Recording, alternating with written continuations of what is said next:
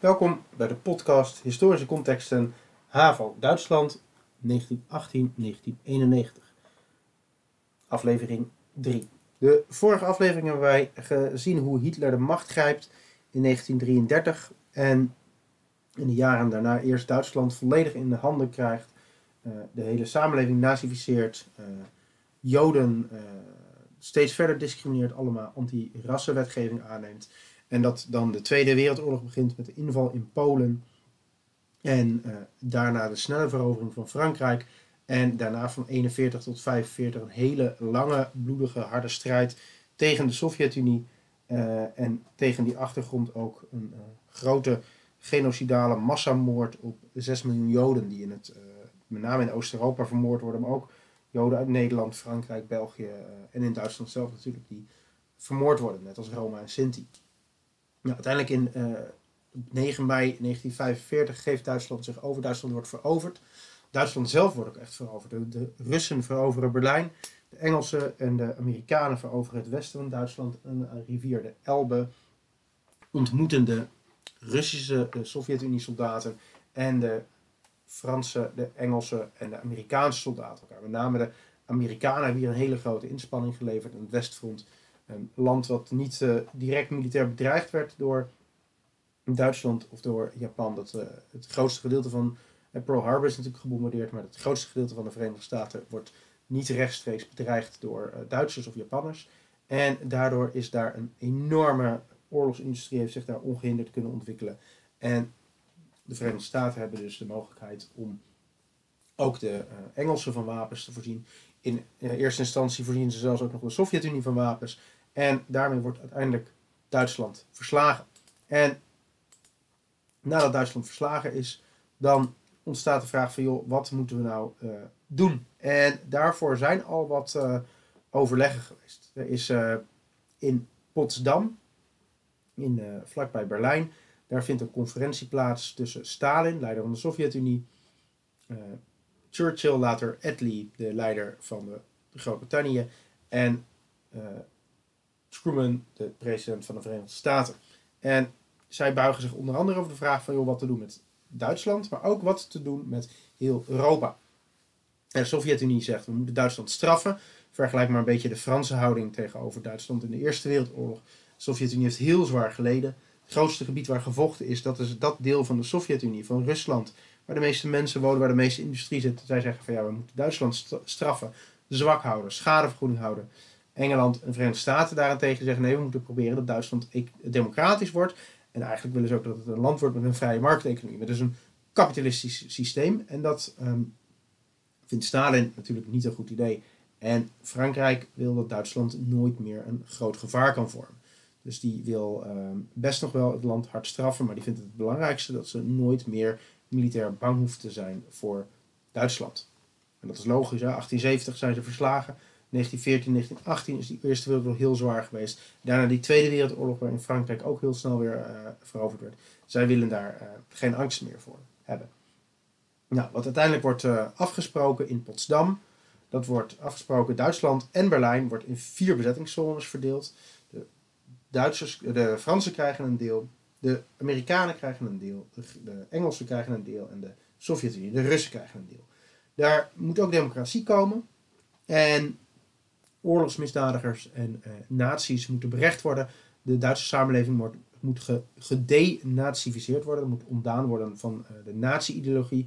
Net als dat Hitler in de jaren 30 juist de samenleving nazificeerde, moet het nu gedenazificeerd worden. En Duitsland moet schadevergoeding betalen en met name de Sovjet-Unie vindt dat heel erg belangrijk. Nou, in Duitsland zelf is daar... Uh, is het land er gewoon ontzettend slecht aan toe. Dat wordt in Duitsland ook wel Stoende Null genoemd. Um, er is geen regering. De naties hebben zich overgegeven en er is niemand anders die nog de macht over kan nemen. En na dik uh, 12 jaar natiebewind is er niemand meer die nog uh, een politieke functie, een bestuurlijke functie heeft, die niet met de naties in aanraking geweest en dus vertrouwd kan worden door de, uh, de geallieerde bezetters. Heel Duitsland is ook veroverd, wordt ook bezet. De buitengrenzen van Duitsland worden ook sterk verlegd. Met name in het oosten. Heel groot deel, Kaliningrad, toen nog Königsbergen geheten, wordt Russisch. En een stad als Danzig wordt Gdansk. een stad als Pozen wordt Poznan, een heel groot deel van het oosten van Duitsland, dat wordt Pools. Sociaal-economisch ook, het land is verwoest, er zijn enorm veel bombardementen geweest. Uh, steden als Dresden, uh, Hamburg, uh, steden in het Roergebied zijn plat gebombardeerd. Um, er is een, alleen het enige wat het, er nog gebeurde in Duitsland zelf daarvoor was een oorlogseconomie. Daar is het land helemaal op ingesteld geraakt en dat is natuurlijk ook ten einde gekomen. Tegelijkertijd, soldaten die gevochten hadden, die keren terug naar huis. Slachtoffers van de nazi's uit concentratiekampen keren ook terug naar huis. En er zijn ook nog eens een keer heel veel Duitsers die dus in de met name oostelijke gebieden wonen, die Pools worden of die in de handen komen van Rusland, die worden ook naar huis gestuurd, die worden ook naar Duitsland gestuurd, niet naar huis. Ze moeten van hun huis weg, ze moeten naar Duitsland toe, zogeheten Heimatvertriebenen. En dat zorgt ervoor dat er enorme toevoer aan mensen is. Tegelijkertijd is in Duitsland geen werk, geen voedsel. Ellende in die samenleving is groot. En ook moreel gezien gaat het niet heel best met Duitsland. Duitsland is echt gewoon genadeloos verslagen in die oorlog. Duitsland wordt ook door iedereen gezien als de slechterik. En het is heel lastig voor veel Duitsers om te gaan met dat verdriet, met die rouw. Uh, enerzijds de rouw van de mensen die ze kwijt zijn geraakt, de, de, de bekenden, de naasten die uh, omgekomen zijn. Maar anderzijds ook het um, onder ogen zien hoe ontzettend intens slecht dat regime van die nazi's is geweest. De georganiseerde moord op Joden, de enorme discriminerende maatregelen tegen allerlei bevolkingsgroepen, maar ook de extreem heftige onderdrukking en vervolging en terreur tegen mensen die communistisch waren. En veel Duitsers proberen daar ogen voor te sluiten. Een, een kreet die dan vaak, vaak klinkt is: We hebben het niet gewoest, we hebben het niet, we hebben het niet geweten. En het gebeurt bijvoorbeeld ook in een, uh, bij een concentratiekamp dat door de Amerikanen bevrijd wordt. Dat de Amerikaanse bevelhebber daar de bewoners van een stadje daar vlakbij dwingt om het concentratiekamp te bekijken. Om te zien wat de naties eigenlijk aangericht hebben. Waar zij dus ook eigenlijk mede schuldig aan zijn. Nou, in die situatie vindt dus die conferentie van Potsdam plaats. Ja, met dus die, die afspraken om uh, Duitsland in bezettingszones te verdelen. Om Berlijn ook in bezettingszones te verdelen. Uh, democratie in te stellen. De samenleving te denazificeren. En zorgen dat Duitsland niet meer gevaarlijk wordt maar wel democratisch. En wat Engeland en de VS betreft, met een vrije markteconomie, kapitalistisch. En wat de Sovjet-Unie betreft, juist niet. En nou, daar komt dan ook van die afspraken niet heel veel terecht. In de uh, Sovjetzone wordt de democratie afgeschaft. Er is maar één partij, een communistische partij. De vrije markt bestaat er ook niet. En de Sovjet-Unie begint zelf al schadevergoeding op te halen. Die ontmantelt hele fabrieken, die laten ze uit elkaar halen en naar de Sovjet-Unie vervoeren om daar de economie weer op te bouwen. De westerse geallieerden gaan ook de, hun eigen zones bij elkaar voegen om zo een grotere economische eenheid creëren en gaan financiële steun geven. En uiteindelijk in 1947 komt er een einde aan de onderhandelingen over een gemeenschappelijke toekomst voor Duitsland. Ja, en als je dan wil snappen van waarom zijn de Sovjet-Unie en de VS zo ontzettend tegen elkaar in, dan is het belangrijk om te kijken van joh, wat voor vijandbeelden hadden ze eigenlijk vanuit de Sovjet-Unie werd gedacht dat de Verenigde Staten het communisme overal ter wereld wilden vernietigen. En dat het enige wat de Verenigde Staten wilden afzetmarkten en uh, grondstoffen wil. Een imperialistisch systeem eigenlijk. De Verenigde Staten daarentegen, die dachten, ja, die Sovjet-Unie die wil een einde maken, die wil een wereldrevolutie, een einde maken aan het kapitalisme, aan de vrijheid in de westerse wereld, aan de democratie. En die Sovjet-Unie wil overal het communisme invoeren. Maar eigenlijk overdrijven ze allebei wel iets wat daarin. Alleen die denkbeelden zijn heel sterk. De Sovjet-Unie overdrijft. Want Westen was ook bang voor de Sovjet-Unie. Het leger dat dus in staat was geweest om eigenlijk voor een heel groot deel eh, op eigen kracht ook die uh, Duitsers te verslaan. En daarnaast beide in de Verenigde Staten, in Groot-Brittannië en andere landen ook wel, leefde ook echt heel sterk het idee dat uh, zelfbeschikkingsrecht, democratie, heel belangrijke waarden waren die het ook sowieso waard zijn om te verdedigen. Vanuit het Westen bezien was het ook iets wat overdreven, want de Sovjet-Unie, nadat ze uh, zo ontzettend zwaar uh, aangevallen werden door Duitsland, bijna daar ook verloren hadden aan het begin, over totaal overrompeld werden, die waren juist heel erg bang voor het Westen.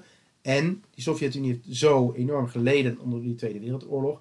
Die hebben eigenlijk niet heel veel geld, heel veel tijd voor uh, grootscheepse wereldrevolutieplannen. Want die hebben het vooral druk met zorgen dat ze zelf niet bedreigd worden en dat ze hun eigen land weer op kunnen bouwen. Maar vanuit die, uh, vrijheids, uh, vanuit die vijandsbeelden um, gaan toch uiteindelijk die, uh, de Verenigde Staten en de Sovjet-Unie zich gedragen. En in de Verenigde Staten ontstaat het idee, we moeten iets doen om het communisme tegen te gaan. Met name in de gebieden die bevrijd zijn door de westelijke geallieerden. Want die gebieden die door de westelijke geallieerden bevrijd zijn, daar is democratie, daar zijn ook communistische partijen op gestemd kan worden.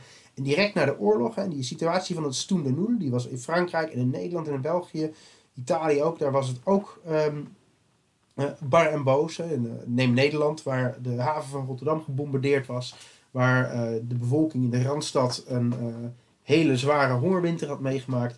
Daar was het communisme met de idealen van gelijkheid en het verdelen van alle bezittingen was best wel aanlokkelijk voor veel mensen. Dus er werd vanuit de Verenigde Staten gedacht, we moeten zorgen dat, er, uh, dat die bevriende democratieën geholpen worden en dat die welvaart, dat ze er weer bovenop komen om zich zo weer verder te kunnen ontwikkelen.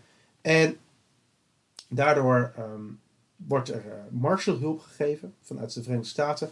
Amerikaanse generaal Marshall die stelt het voor, een grote uh, grote economische stimulans aan West-Europa. Um, die ook eigenlijk aangeboden werd aan alle landen die in de Tweede Wereldoorlog gevochten hadden. Dus zelfs aan de Sovjet-Unie en alle oostelijke landen in Europa, alle Oost-Europese landen. En er werd gezegd, nou, de Verenigde Staten wil goederen geven, wil kennis geven, geld voor gunstige voorwaarden uitlenen. Maar wel met als voorwaarde dat je controle door de Verenigde Staten toestaat en dat je met elkaar gaat samenwerken.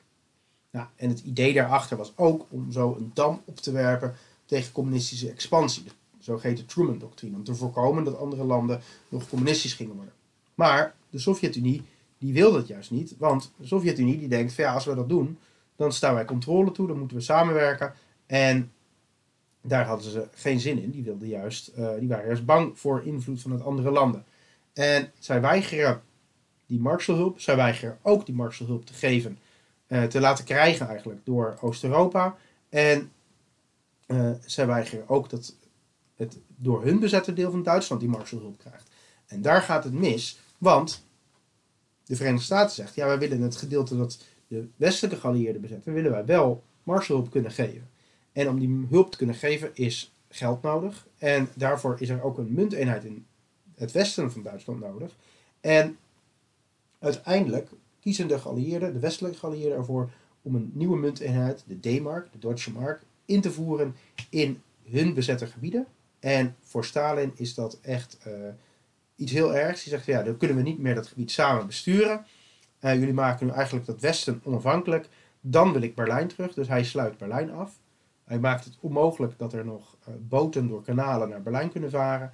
Door het westen, naar het westen van Berlijn. En dat het maakt het onmogelijk dat treinen of auto's naar het westen van Berlijn kunnen rijden. Dus het deel van uh, Berlijn dat bezet is door de Fransen, de Engelsen en de Amerikanen. En hij denkt van nou, dan uh, kunnen ze West-Berlijn niet meer bevoorraden. En dan wordt West-Berlijn ook wel aan ons teruggegeven. Dan heb ik dat in ieder geval terug. Maar voor uh, de geallieerden, de westelijke geallieerden, die zien juist in West-Berlijn een soort van, van groot reclamebord midden in die in die communistische zone een groot reclamebord voor het kapitalisme, hoe goed dat wel niet is. En zij besluiten een luchtbrug te openen. Zij gaan met vliegtuigen, vliegen ze vanuit het West-Duitslandse gebied, vliegen zij naar ehm, West-Berlijn. En zij voeren daar eten aan, spullen, kolen, uh, alles wat er nodig is. En daardoor wordt West-Berlijn, uh, blijft in handen van de westelijke geallieerden. Maar het zorgt er ook voor dat de mensen in West-Berlijn en ook de mensen in West-Duitsland eigenlijk een beetje omdraaien over van joh, hoe moeten we kijken, aankijken tegen die uh, bezettingsmacht van die Engelsen en de Amerikanen. En dan denken ze, ja, die Engelsen en de Amerikanen, die steunen ons. En als je bezet wordt door de Sovjet-Unie, dan ben je echt totaal onvrij. We hebben eigenlijk wel vrijheid. We krijgen zelfs hulp van uh, de Amerikanen. Dus het zorgt ervoor dat er in West-Duitsland ook wat meer uh, sympathie ontstaat voor die westelijke geallieerden. Ze meer het idee krijgen dat ze eigenlijk erbij horen. Het belangrijk moment, dus drie jaar na die Tweede Wereldoorlog, waar Duitsland hartstikke schuldig in was, verschrikkelijke dingen gedaan heeft. En nu krijgen ze het idee van, hé, hey, misschien mogen we toch ook wel gewoon meedoen. Ja, en dan, dit is ook een van de beginfases van wat heet de Koude Oorlog. De periode tussen eigenlijk 1945 en 1991, waarin de Sovjet-Unie en de Verenigde Staten geen oorlog met elkaar voeren, maar wel de hele tijd via andere landen um, oorlogjes uitvoeren en vaak met elkaar in conflict zijn. Die wordt ook groter doordat nadat de Verenigde Staten blijkt over een atoombom te beschikken, met het bombardement op Hiroshima en Nagasaki, ehm, de Sovjet-Unie ook atoombom ontwikkelt in 1949 en zo ontstaat er een wapenwetloop. Het wordt steeds spannender van joh, wie heeft nou uh, welk wapen en hoe kunnen we dat nou doen? Nou, om te zorgen dat die uh, Marshallhulp, dus die, die, economische steun aan West-Europa, dat die effectief blijft, wordt gezegd, dan moeten we dus ook zorgen dat, ze, uh, dat die investeringen veilig zijn, dat die landen ook veilig zijn. En daarom wordt de NAVO opgericht, de Noord-Atlantische Verdragsorganisatie, wordt in 1949 opgericht.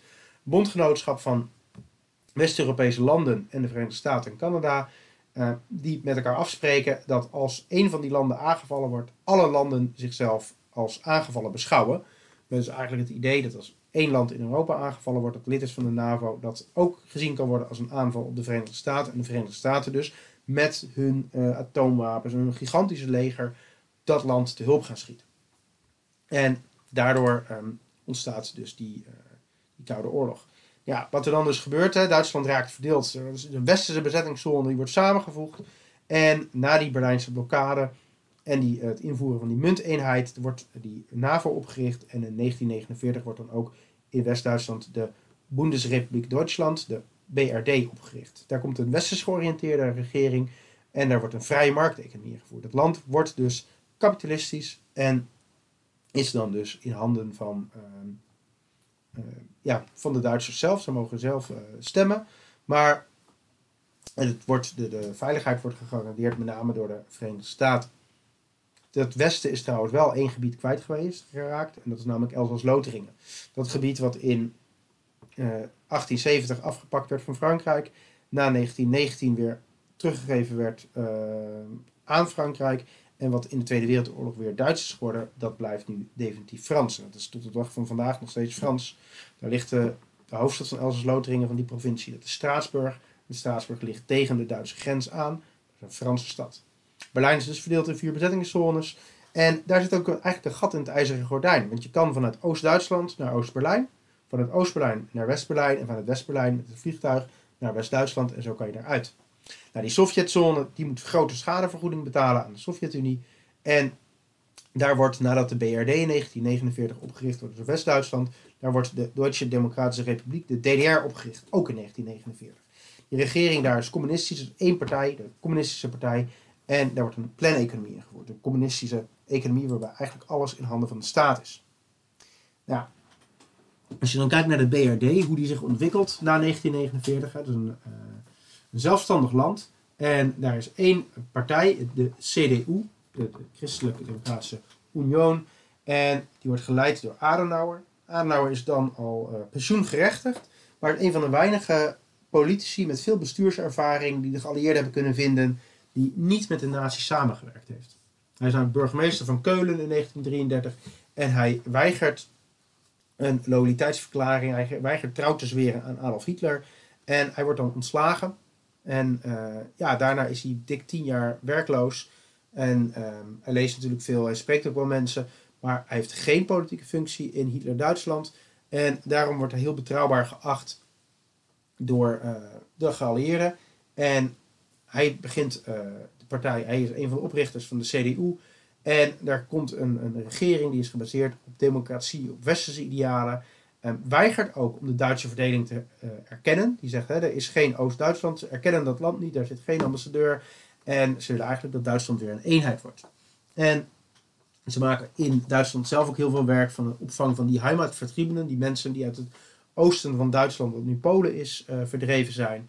En um, economisch, dankzij die Marshallhulp, uh, wordt er ingezet op de opbouw van de economie. Duitsland was natuurlijk ook voor de Tweede Wereldoorlog een economisch uh, sterk land, ondanks de chaos die er vaak ook was in die Weimarrepubliek. En dat, men neemt bijvoorbeeld het Roergebied, um, waar dan al heel veel energie, economie, economische activiteit zit. En na de Tweede Wereldoorlog ontstaat daar in West-Duitsland het zogeheten Wirtschaftswunder, economisch wonder. De lonen worden laag gehouden, er wordt heel veel geproduceerd, vooral voor de export. En zo groeit die Duitse economie, groeit ook de Duitse welvaart. En lukt het de Duitsers, de West-Duitsers, om uh, toch een beetje zich te ontworstelen aan dat trauma van die Tweede Wereldoorlog. Er wordt ook vaak gezegd dat het een reden was waarom de Duitsers bereid waren om laag lonen te krijgen en hard te werken, omdat ze op die manier uh, dat, dat uh, ja, hele pijnlijke verleden van die Tweede Wereldoorlog, waarin ze en verloren hadden en gewoon echt de slechterikken waren, zich achter zich kunnen zetten. Ja, waar Adenauer heel sterk op, zet, op inzet als het gaat om het buitenlands beleid, dat zogeheten Westbindung, het uh, verbinden van het de land met, uh, van, van West-Duitsland met de rest van West-Europa. In 1949 wordt het, Duitsland, West-Duitsland nog geen lid van de NAVO. Het, wapens geven aan uh, wat vier jaar geleden nog naties waren en vijanden, dat gaat te ver. Maar er wordt wel economisch samengewerkt. In 1952 wordt de Europese Gemeenschap voor Kolen en Staal opgericht. Frankrijk, West-Duitsland en Italië, België, Nederland en Luxemburg. Zes landen die samen gaan werken met het produceren van kolen en staal. En op die manier houden ze ook toezicht op hoeveel kolen en hoeveel staal overal geproduceerd wordt. En dat zorgt ervoor dat Frankrijk ook wel kan leven met die, die heropleving van de Duitse economie. Want zij zien dat alle staalproductie niet naar het bouwen van tanks en kanonnen gaat, maar alle staalproductie ten goede komt van het maken van Volkswagen Kevers en dergelijke. Waardoor zij vertrouwen hebben in Duitsland dat het zich niet uh, militair opnieuw aan het ontwikkelen is. En uiteindelijk zorgt dat er ook voor dat in 1955 de BRD ook uh, lid kan worden van de NAVO. Dat militair gaat samenwerken met die landen. En in de DDR tegelijkertijd, daar um, gaat het uh, wat anders. Dan heb je Walter Ulbricht als leider. En die zegt, ja, de Oost-Duitsland is een volksdemocratie. Maar het komt erop neer dat er eigenlijk maar één uh, partij aan de leiding is. En dat is de Socialistische Einheitspartij Duitsland. De communistische partij in de DDR. En daar is een strenge controle door geheime dienst, de staatssicherheidsdienst, ook wel de Stasi genoemd. En die economie van de DDR die functioneert niet heel goed. Die planeconomie, het communistische economische systeem, dat werkt niet heel goed. Het gaat ervan uit dat je elke vijf jaar uh, bedenkt wat hoe de economie zich zal gaan ontwikkelen. En dat je aan de hand daarvan allerlei plannen maakt en die probeert uit te voeren. Het is heel moeilijk om vijf jaar van tevoren al de vraag te, in te schatten van wat er, uh, wat er nodig is. En omdat er ook heel veel herstelbetalingen betaald moeten worden, wordt het nog veel lastiger. En dat zorgt er ook voor dat het een paar keer, met name één keer in 19, juni 1953, bijna helemaal misgaat in de DDR. Door die dictatuur van die DDR is er, van die uh, communistische partij in de DDR, is er geen persoonlijke vrijheid. Je mag niet zeggen wat je, wat je wil, je mag niet zeggen wat je denkt. Er zijn geen vrije verkiezingen. Tegelijkertijd is er wel enorme druk om die economie opnieuw op te bouwen. Maar dat is heel moeilijk, omdat zij in plaats van dat ze Marshallhulp krijgen, zoals West-Duitsland, worden zij juist, um, moesten zij juist herstelbetalingen betalen aan de Sovjet-Unie. Dus wordt gezegd van de, um, iedereen die werkt, die moet uh, de, zogeheten productienormen worden opgevoerd. Wat erop neerkomt dat de lonen zwaar verlaagd worden. Heel veel uh, arbeiders in Oost-Berlijn en andere plaatsen in Oost-Duitsland, die zijn heel boos. Die komen in opstand, die gaan demonstreren. En de leiding van de DDR die vlucht naar het hoofdkantoor, hoofdkwartier van het Russische leger. En het Russische leger stuurt tanks de straten van Oost-Berlijn en een aantal andere Duitse steden in.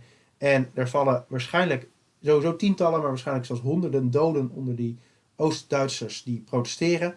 Die opstand wordt neergeslagen en de regering van de DDR die beseft enerzijds van het is heel belangrijk dat wij steun blijven houden van de Sovjet-Unie. We hebben de Russen nodig om aan de macht te blijven.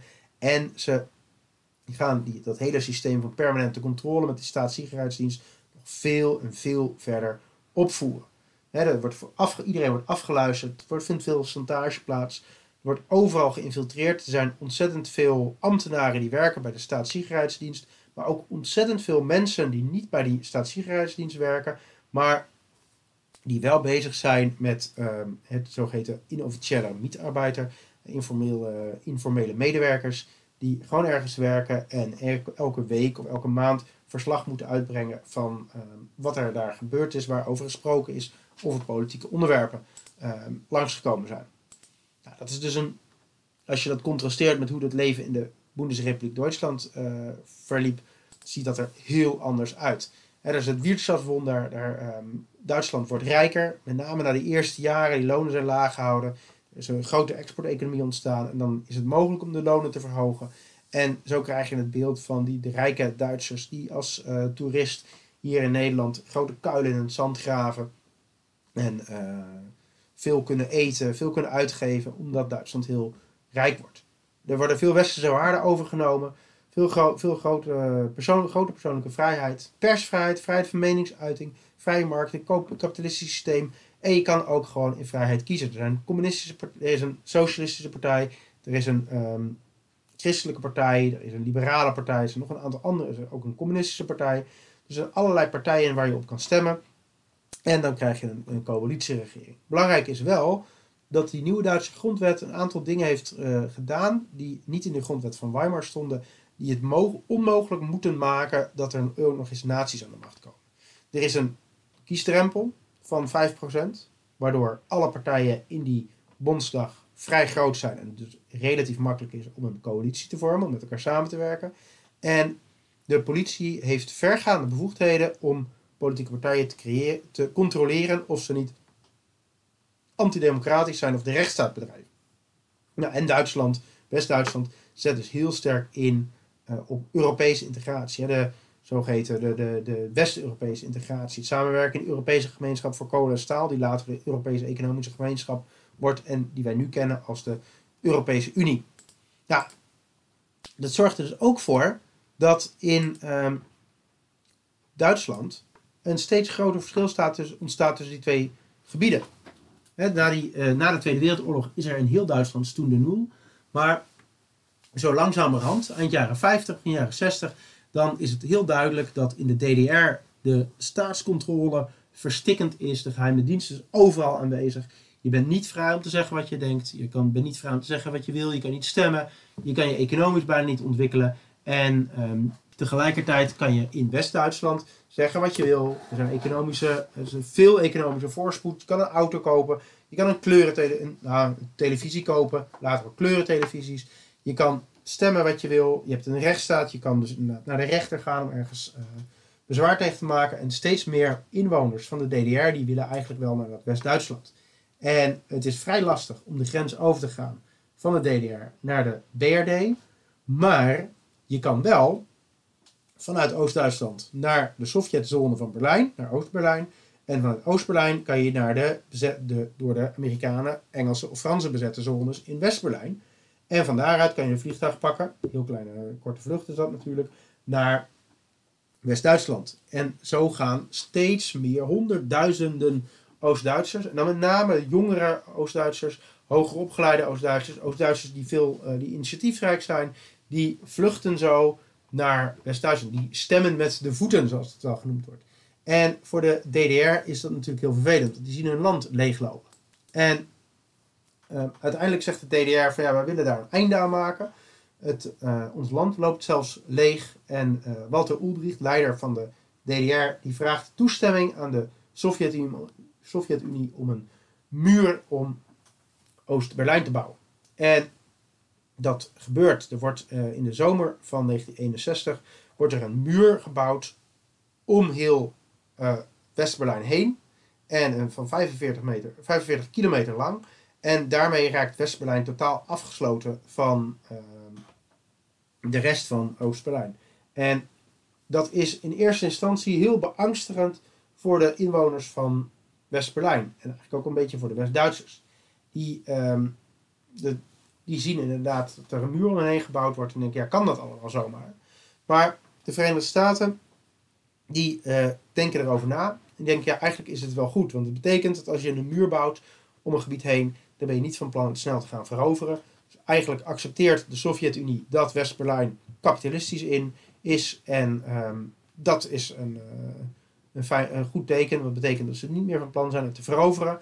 En om West-Duitsland en West-Berlijn een hart onder de riem te steken en duidelijk te maken dat de Verenigde Staten nog steeds West-Duitsland en West-Berlijn willen verdedigen, vliegt Amerikaanse president John F. Kennedy naar West-Berlijn. Hij houdt daar een toespraak. Hij zegt van ja, iedereen die um, van vrijheid houdt, van democratie houdt, iedereen die een vrij mens is, die voelt zich Berlijner en um, verklaart zich dus solidair met de Berlijners. En Uh, daarmee is Westplein gerustgesteld en erkennen de Verenigde Staten ook eigenlijk indirect die invloedssfeer van de Sovjet-Unie. En daarmee kan een periode ontstaan van toch wel uh, wat minder grote spanning, in ieder geval in Europa, een minder permanent dreigende atoomoorlog. Nou, dat is um, deze um, aflevering uh, over hoezeer beïnvloedt het ontstaan en het verloop van de Koude Oorlog de geschiedenis van Duitsland na de Tweede Wereldoorlog. Tussen 1945 en 1961, de bouw van de muur. Volgende keer gaan we kijken naar de vraag wat verklaart hereniging van de beide Duitslanden en een succesvolle integratie in Europa. Dat is de periode van 1961 tot 1991. Daar hebben we het de volgende keer over.